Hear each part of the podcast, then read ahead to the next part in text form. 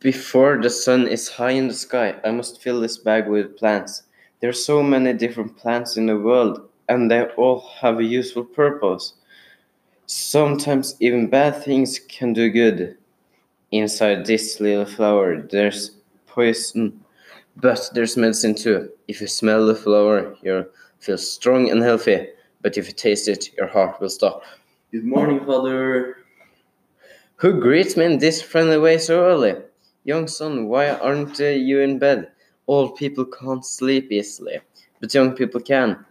You didn't uh, go to bed last night, Romeo, did you? You're right.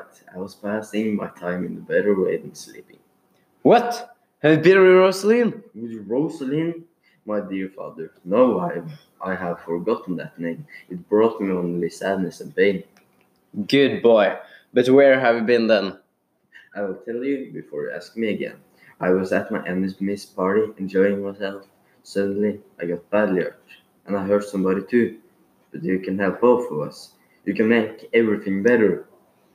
I don't understand you at all. Explain clearly. Well, clearly then, I am falling in love with the beautiful daughter of rich Capulet, and she's in love with me too. You want to get married? Please agree to marry us today. But this is a great change. Have you so quickly forgotten Rosalind? Your great love. I see that young men don't fall in love with their hearts, only with their eyes. How many tears did you cry for Rosalind? I can still hear her unhappy voice and see her sad face. Have you really changed your mind about her now? You're awfully angry with me about my love for her. Yes, because it wasn't true love. But I didn't want you to stop loving one woman and start loving another. Don't be angry with me. My new love is very different from Rosalind.